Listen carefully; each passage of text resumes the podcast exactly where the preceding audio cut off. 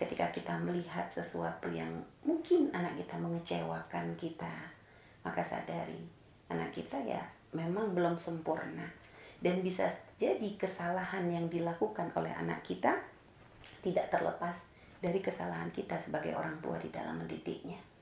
Sehingga kalau kita sudah memahami hal tersebut, maka ketika kita melihat ada kesalahan pada anak kita, itu kita tidak menyelesaikannya dengan emosi atau amarah yang membabi buta yang akhirnya menjadikan orang tua yang kadang mohon maaf mendoakan dengan doa yang tidak baik kepada anak. Hati-hati. Nabi sudah wanti-wanti akan hal tersebut. Nabi bersabda, "La tad'u ala anfusikum wa la tad'u ala amwalikum wa la tad'u ala abnaikum." Di antara yang disebutkan oleh Nabi, jangan kamu mencela tad'u itu bermakna doa, tapi kalau disanding dengan Allah maknanya melaknat. Jadi jangan kamu melaknat kepada diri. Memang aku tuh sial, naudzubillah. Berkata gitu tuh nggak boleh. Ya. Jangan melaknat kepada harta. Ya. Jangan melaknat kepada anak. Artinya jangan kita melaknat kepada apa pun. Jangan membiasakan lisan kita untuk mengeluarkan ucapan yang seperti itu. Karena bisa saja, kata Nabi, bisa saja ketika kita mengucapkan ucapan yang buruk tersebut, ternyata berbarengan dengan saat penggabulan doa dari Allah.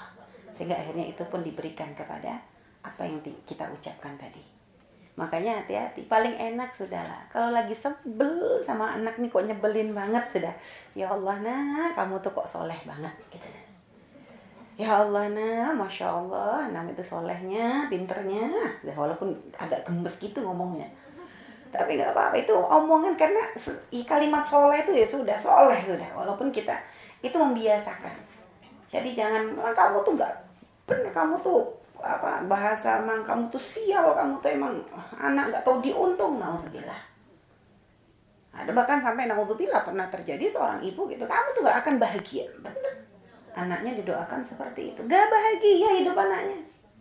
Terus kayak gitu nariknya gimana coba kalau sudah orang tua menyebut kayak gitu nariknya gimana makanya memang jadi ibu itu biasakan kita untuk bisa kontrol lisan dan biasanya yang nggak bisa kontrol lisan nih karena terbiasa memang sudah membiasakan mulutnya untuk mudah mencaci atau mencela orang lain, akhirnya anak pun bisa kena. Sehingga makanya membiasakan lisan kita tuh untuk tidak mencela siapa pun, wala binatang, wala orang, wala apa sudah.